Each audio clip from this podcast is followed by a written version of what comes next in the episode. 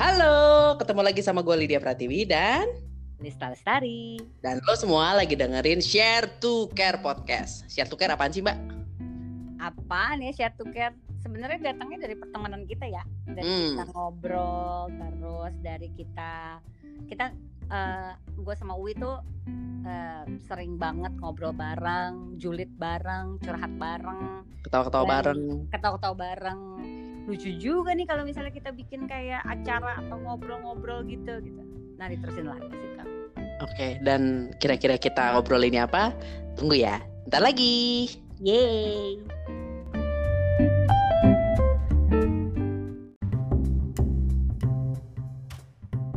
Nah, tadi kan kalian udah denger Share to Care itu apa, tapi mungkin belum denger kalau gue tuh siapa. Gue Lydia Pratiwi, biasa dipanggil Uwi. Gue itu seorang tarot reader. Eh, emang Banci tuh tampil juga, eh, sering MC, eh, anak banget lah gitu ya. Dan gue itu seorang pecinta astrologi. Gue kebetulan Pisces dan anak air. Nah, teman gue yang satu ini juga anak air, tapi dia kenalan sendiri aja deh.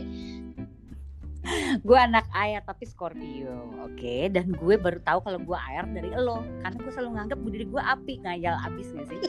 Jadi gue gue Lista Lestari, eh, profesi sehari-hari gue itu lebih banyak dalam dunia people development, tapi gue itu memang lebih memfokuskan ke coaching. Jadi bisa performance coaching, executive coaching, terus gue sendiri certified memang certified coach ya pada Hmm. dasarnya sama pengalaman gue selama ini adalah lebih banyak tentang si uh, training soft skillnya orang. Tentang kompetensi terus habis itu tentang inner work tentang leadership tentang transformation company culture.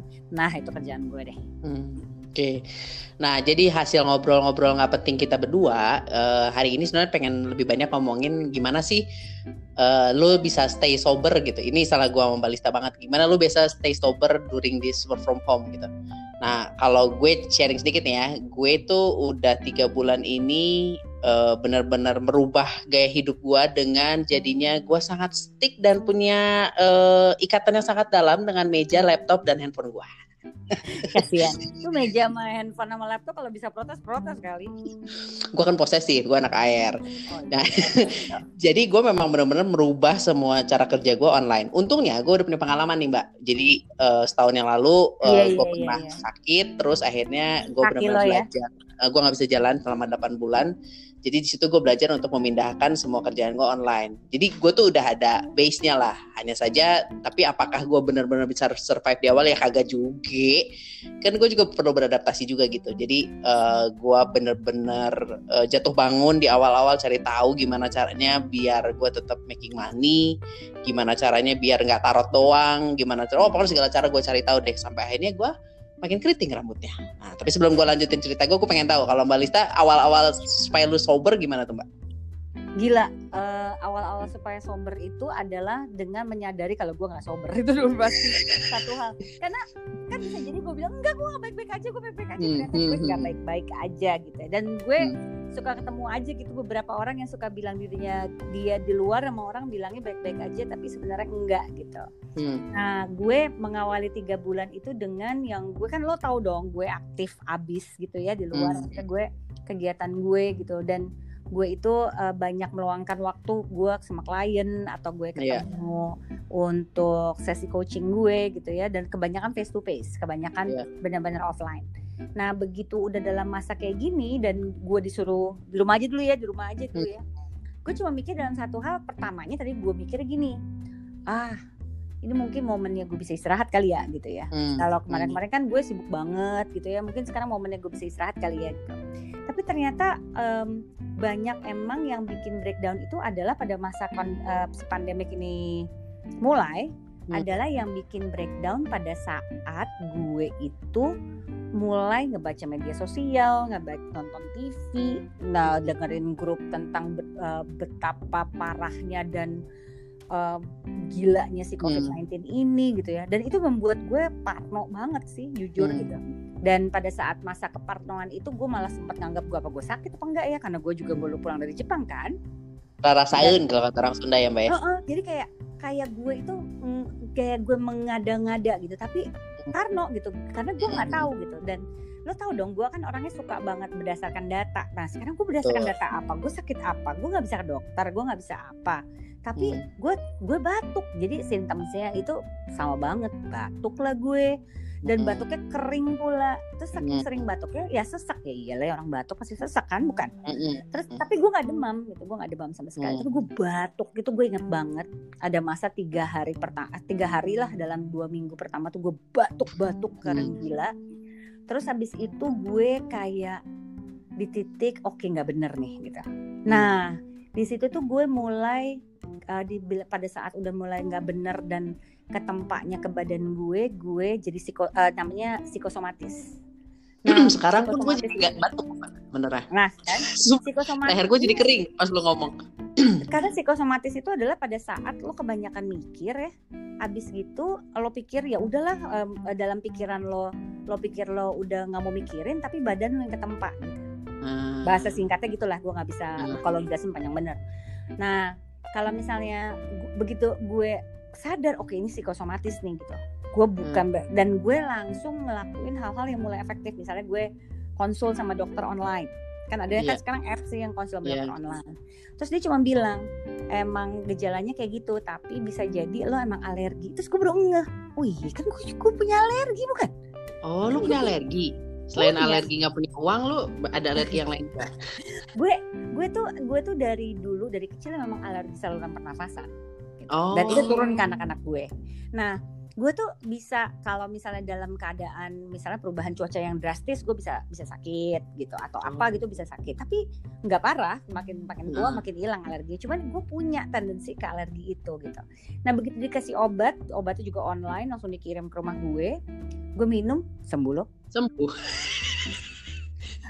Jadi yang memperparah dalam keadaan tiga bulan gue itu adalah banyak pikiran sih, gitu. Iya, iya, banyak iya. pikiran dan yang membuat gue stres. Nah, di semenjak titik itulah gue mulai untuk mulai membuat diri gue lebih open untuk jadi Hmm. produktif gitu. Ya lumayan lah gue eh, banyak banyak eh, cara-cara baru gitu ya dengan gue pakai eh, webinar banyak cara baru tiba-tiba gue bisa IG live gitu ya. Gue aja baru tahu di dunia ini ada IG live nggak usah dia nggak usah dibahas terus habis itu eh, Instagram sih punya dari dulu tapi live mana gue tahu ada di dunia ini gitu. Terus habis itu eh, apa namanya eh, gue mulai untuk merambah untuk eh, lebih banyak kerja sama sama orang mulai nilik-nilik tentang gimana caranya bikin desain buat training terus habis itu ngelakuin coaching virtual coaching virtual mah udah biasa lah dari dulu juga. Mhm. gue udah beberapa kali melakukannya ya sebelum covid gitu. Cuman eh, perasaan eh, nah hal-hal yang kayak gini nih itu akhirnya mulai gue bikin sebagai rutinitas gue walaupun gue Hmm. jujur sih Wi kalau berdasarkan keadaan juga gue nggak bilang itu juga stabil sekarang itu masih up Iya. and down banget tuh kayak sinyal kita sekarang gitu ya up and down Mm-mm. banget gitu Surrender aja. iya surrender aja habis itu nyambung lagi nah ini Tapi, ini ini nih ini lucu deh. Mungkin kalian yang denger kayak bingung kali ya. Ini apa sih berdua? Tapi itu tuh cara kita berkomunikasi berdua gitu. Ini sebelum sebelum bisa nyambung lebih jauh nih sorry nih Wi, gue gue potong. Ini nih Iya, nggak awalnya kenapa bikin beginian maksudnya bikin podcast gini adalah sebenarnya awal dari gue sama Uwi itu suka ngomong-ngomong dan sebenarnya ngomongnya tuh berfaedah tapi ya dengan cara kita gitu. Iya. dengan tiba-tiba jadi julid, tiba-tiba ngetawain, tiba-tiba random Iya. talk gitu. Nah terus kita pikir eh kenapa sih eh, dan itu eh, pernah kita lagi ngobrol yang sangat serius di samping sebuah bathtub yang sangat besar di sebuah kamar mandi yang sangat besar di Bandung, gue tinggal di Bandung, gue di Jakarta. Terus eh, gue lagi ke Bandung gitu ya, kita lagi ngobrol. Terus kita ngobrol di situ, tempatnya enak banget gitu ya, kamarnya enak banget. Terus tiba-tiba kita mikir, eh, kita harus teruskan tuh eh, apa Hmm. bathtub conversation gitu. Kita bisa Hmm. kayak gitu. Cuman kan kalau di podcast lo pada mungkin pada parno yang ngedengerin bathtub conversation gitu. ya. Makanya makanya bahkan ada podcast gini adalah nerusin dari pe- pembicaraan dan percakapan-percakapan kita yang dari bertahun-tahun yang lalu itu. Cuman gue tuh sukanya gini ya, suka gue tuh sama Mbak Lista tuh kayak dua sudut pandang yang sangat berbeda, tapi kayak ketemu jalan tengahnya gitu. Mm-hmm. Gue dengan semua kerendeman gue, gue bahkan ya Mbak during this pandemic ini tuh udah stop bikin rencana gitu. Mhm. Sementara gue tahu lu tuh orang- orangnya planning banget gitu ya. Tapi ya, gue tuh gue sangat kagum loh dengan lu. Gue I know you for berapa tahun gitu ya. Gue belum pernah lihat lu setenang ini. Really? Bro, during this pandemic gue melihat another side dari seorang Lista Lestari yang bisa tenang gitu. Jadi kayak kayak apa ya? Gue melihat semua yang lu pelajari selama ini working buat diri lo. Luar biasa ya. Gak, gak sia-sia tuh gue sekolah mahal-mahal Billy. Tapi ini menarik gitu. Gue itu ini ini gue gue seneng sih lo ngomongin mas gue gini. Gue itu selalu orang yang punya kayak keyakinan atau prinsip ngom mikirnya adalah gue tuh mesti ngejalanin apa yang gue omongin ke orang gitu. Gue nggak mau cuman Hmm. ngomong doang, gue cuman nggak mau gue nggak mau cuman kayak kayak cuman ngomongin sesuatu yang sifatnya teori. Karena tendensinya ngomongin leadership tuh bisa sangat teoretikal banget gitu. Iya. Dan begitu Konsep Ah, doang gitu sebuah ya. konsep gitu. Sedangkan gue itu punya prinsip kalau gue mau ngomong atau nge-coaching seseorang tentang satu kompetensi tertentu, gue juga willing untuk melatih kompetensi itu di diri gue. Nah, Iya. kalau lo bilang tadi sama gue gue tenang, itu bukan kayak kerjaan sehari dua hari ya. Ui juga tahu sih itu. Maksudnya itu banyak banget conversation yang harus gue yang gue hadapi, yang gue gue pikirin gitu ya. Gue langsung Hmm. gue mulai ngeliat trigger-trigger dalam hidup gue. Gue mulai open myself up to new possibilities. Jadi setelah uh, gue baru bisa melakukan dan melatih ketenangan gue untuk gue lebih tenang dalam menghadapi masalah, justru kreativitas baru datang sih, Wi. Hmm. Kayak salah satu yang kita lakuin malam ini gitu. Cuman apa ya? Gue tuh eh, kalau gue tuh justru merasa karena gue menjustifikasi diri gue sebagai orang kreatif, so gue memaksa diri gue untuk kreatif. Hmm. Sementara lu menemukan creativity em, ketika lu udah tenang gitu. Which is gue juga butuh tenang dulu akhirnya gue bisa berpikir ya. Tapi cara kita ngadepin di awal tuh beda banget Hmm. gitu. Gue ngeliatnya gitu. Kalau lu tuh kayak lu banyak sharing sama orang-orang dan lu keep telling people eh, lu nggak sendirian segala macam. Sementara gue sibuk. Gimana caranya gue terhubung dengan si ini si itu sini sampai gue lupa gue juga butuh tenang.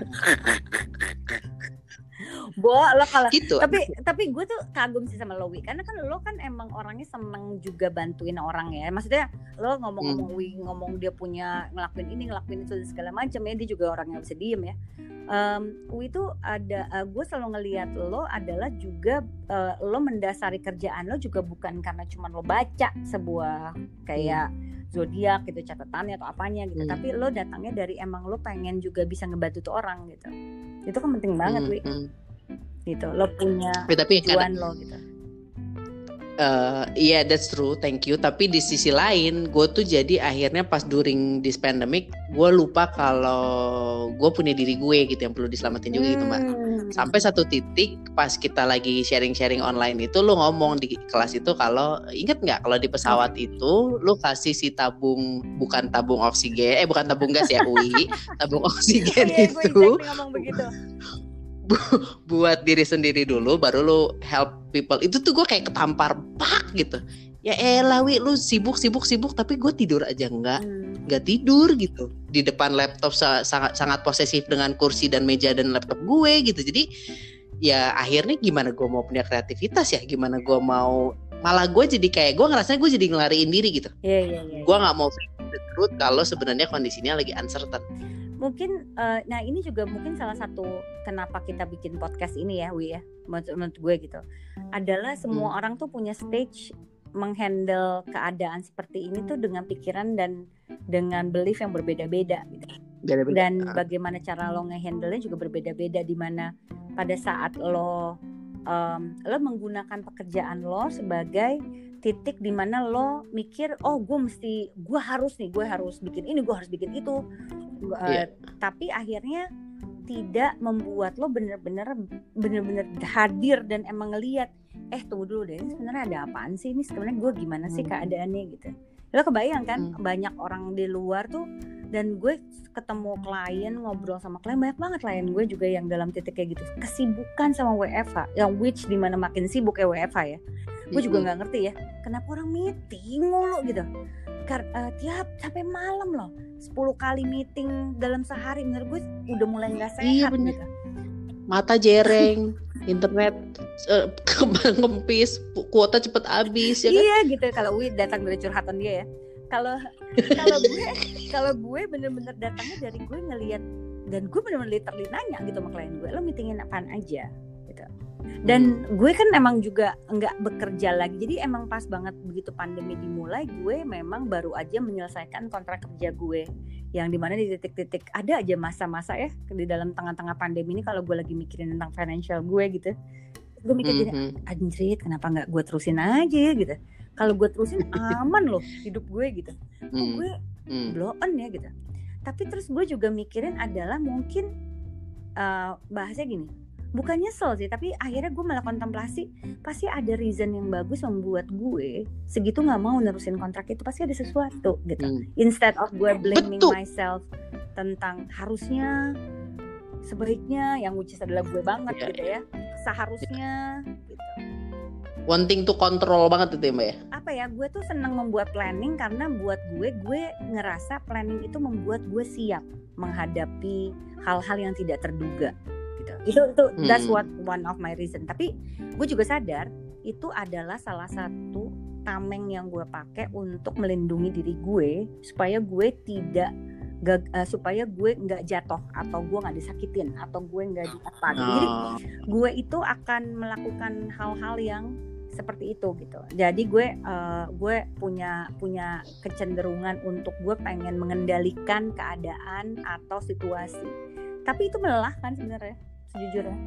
Sebenarnya mirip sih menurut gue ya. Yang kita lakukan berbeda cerita tapi sama-sama quote in quote melarikan diri dengan cara, yang berbeda gitu. Kayak lo eh, dengan membuat plan itu kan sebuah cara lo akhirnya menca me- apa ya di satu sisi itu cara lu me- menenangkan diri lu di sisi lain juga itu cara lu melarikan diri dari nggak mau hadapin kenyataannya kalau lu sebenarnya finansial mungkin lagi nggak Iya. stabil gitu kalau gue ya gue sibuk dengan laptop gue dan nggak tahu ngapain aja gue tuh sampai akhirnya udah jadi call center karena semua teman-teman gue yang panik telepon gue kan mbak dan sumpah kalau orang lain zoom nonstop kalau gue video call nonstop apa handphone gue pernah panas Ya Allah. Dan ya kan mungkin udah di jidat gue dicurhat eh, curhat aja ke Uwi Nah. gitu ya. Itu tuh kayak kita jadi otomatisnya orang tuh begitu dalam during awal-awal tuh nelfonnya nelfon gue gitu. Dan ya gue anaknya kayak nggak tegaan nih gue iyahin gue iyahin ya gue in. Akhirnya itu cara gue untuk lariin diri gitu. Hmm. handle masalah orang aja kan lebih noble gitu. Kayaknya lebih ada purpose-nya gitu. Sampai satu titik saya give up capek bu. Iya iya iya. Gue bisa ngebayang sih kalau lo nelfonin orang dengan energi itu gitu. Karena eh, menariknya adalah di satu titik di mana akhirnya gue let go ya da- dan Hmm. itu abis setelah proses gue sempat psikosomatis sakit dan segala macam itu ya eh, gue sempat ngerasa diri gue sakit lah apa segala macam dan begitu gue let go gue akhirnya em, cuma berpikir gue mungkin pengen melakukan sesuatu yang beda aja gitu dan eh, gue inget banget ya di satu di satu gue lupa lah tanggal berapa tuh tiba-tiba gue lagi em, buka iPad gue lagi buka iPad gue terus gue lagi buka Iya. LinkedIn gue terus pada saat gue lagi ngebuka tiba-tiba ada satu artikel dan gue Oke. punya urge untuk sharing that artikel ke orang sebenarnya jadi Oke. eh, pada saat jadi pada saat itu gue cuma mikir gini udah nggak usah nggak usah mikirin hal yang nggak bisa gue kendalikan. Sekarang mungkin gue Mhm. cuman bisa ngelakuin untuk yang sesuai mungkin sama apa yang gue butuhin sama orang yang sekeliling gue butuhin. Nah makanya semenjak itu yang bikin gue bikinlah tuh si kelas grup untuk kita sharing berbagi gue bikin webinar gitu. Dan itu yang ngebuat gue nggak nggak eh, itu yang ngebuat gue justru itu justru obat buat gue gitu. Justru itu obat buat Hmm. gue pada saat itu karena gue benar-benar pada saat ngomong sama orang tuh gue kayak ngomong sama diri gue sendiri. Pada saat orang curhat gue kayak ngerasa iya ya kita nggak sendirian. Makanya message yang gue selalu sampaikan ke orang dalam masa pandemi ini di awal-awal adalah gue mempertajam tentang bilang eh lo tuh nggak sendirian kita lo tuh lo tuh kita tuh ngalamin ini sama-sama gitu. Nggak Hmm. kata-kata kita tuh udah eh kata-kata saya tuh udah nggak berlaku lagi sekarang tuh kita gitu Hmm, hmm, hmm. Nah, ini udah makin seru banget nih. Tapi kira-kira kita mau ngomongin apa berikutnya kayaknya di episode 2 Iya, aja, iya, Mbak. Iya, iya, iya, betul, betul, betul. Supaya biar keliat kelihatannya punya banyak podcast aja gitu kan. Kalau itu so asik ya, nggak, gue nggak ikutan. Gue nggak kenal siapa dia. Nah, kan eh, gimana pun juga waktu kita bikin podcast ini kita punya tujuan ya Mbak ya. Dan walaupun tujuan sama gua dan lu beda banget, tapi sebenarnya dari obrolan kita hari ini lu ngerasa dapat insight apa sih atau ada pesan apa gitu? Kalau gue sih eh, mungkin eh, gini, eh, kan kita punya kebiasaan sendiri-sendiri ya, begitu sebelum Hmm. kita ngadapin pandemi gitu. Nah sekarang Hmm. mungkin semua juga mungkin udah pada sadar kalau kebiasaan itu tidak akan pernah mungkin bisa datang lagi, ataupun kalau bisa dilakukan lagi itu enggak eh, mungkin caranya mungkin berbeda, mekanisme mungkin berbeda gitu ya. So uh, Hmm. semua orang tuh punya caranya sendiri-sendiri untuk deal with this situation yang lagi nggak pasti ini ya. Lo tahu kan semua lagi nggak pasti Hmm. banget. Bahkan sekarang Hmm. lagi banyak orang marah-marah gitu ya dan banyak Hmm. orang sekarang di PHK dan Mm-mm. dan banyak banyak banget orang ini sekarang lagi ngalamin titik di mana mungkin titik kritis kalau bahasanya gue kalau uh, gue ngobrol sama klien gue yaitu adalah di mana orang Hmm. udah mulai harus melakukan tindakan-tindakan drastis yang dia coba untuk tidak lakukan dan dia coba untuk Ya. cari solusinya. Tapi however karena ekonomi belum jalan uh, pemecatan nggak jadi nggak terelakkan gitu. Um, terus ngela- uh, terus kemudian juga banyak orang dirumahkan banyak banget. Tadi gue baru ketemu maksudnya gue Hmm. baru ngobrol sama orang dan dia lagi curhat tentang aduh gimana ya ke depan kalau gini terus gitu. Jadi eh, orang tuh sekarang tuh mulai dihadapkan untuk emang mulai melihat realitas yang eh, nggak enak gitu. Dan harus dihadapi dan harus diputuskan Iya. gitu. Nah again kayak balik ke titik awal sih kalau gue ngomongin gitu Em, lo nggak sendiri sih gitu. Dan kalau lo mau cari solusi solusi itu nggak bisa didapat kalau kepala lo ruwet. Hmm. gitu. Jadi kalau gue sih kayak eh, kan kita berdua tuh dapetin energi kita nyambung ya Wi ya. Kita bisa nyur oh, mencurahkan ini gitu. Gue cukup beruntung gue bisa ngobrol sama lo gitu. Tapi gue yakin di luar sana belum tentu orang bisa ngomong sama orang sebebas kayak kita berdua bisa ngomong gitu. Untuk ngelepasin apa pun yang kita lagi rasain Oke. Nah kalau kalau gue sendiri sih gue ngerasa dari obrolan ini gue tiba-tiba tadi dapat insight-nya adalah eh ya apa pun yang lagi dialamin di saat ini pas kalian dengerin itu ya memang itu perlu di- terjadi Hmm, gitu. hmm. Jadi ya itu memang stage-nya lu gitu. Jadi kalau gue di sini udah bisa bikin podcast dan lu belum nggak ada yang salah Hmm. juga gitu. Dan memang bukan berarti lu harus bikin Hmm. podcast tiba-tiba jadi sama-sama punya nadar Hmm. podcast gitu. Jadi kayak apa pun yang sudah dialamin saat ini ya udah sempurna adanya buat lu saat Hmm. ini. Karena semua pesannya gitu. Itu insight gue sih hari ini. Iya dan uh, mungkin juga kita kita sih pengen ya maksudnya tujuan kita maksud kalau at least tujuan gue untuk bikin podcast ini adalah untuk satu uh, untuk ngasih faedah sih. Maksudnya uh, gue juga bukan berarti gue udah lewat dari masa di mana gue uh, nggak menghandle hal kritis dalam hidup gue ya gue juga di tengah Hmm. juga sedang melakukannya gitu. Tapi eh, mungkin memikirkannya me- hanya mikirin doang tentang hal itu juga bukan solusinya gitu. Mungkin harus melakukan sesuatu yang berbeda gitu.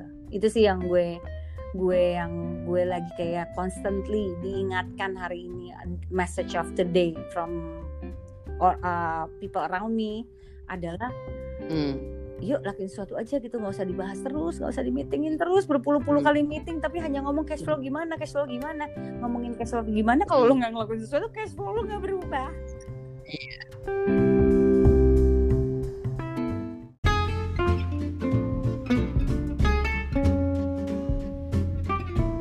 Nah, udah seru banget tadi ngobrol-ngobrol sama gue Lydia Pratiwi dan Lista Lestari. Kayaknya sih di episode-episode berikutnya kita masih akan banyak bahas mengenai gimana cara ngadepin ketidakpastian versi kita ya. Tapi ya kalau misalkan ada topik lainnya pengen dibahas, kita open banget. Langsung share aja eh, gimana komentar kalian di kolom komen.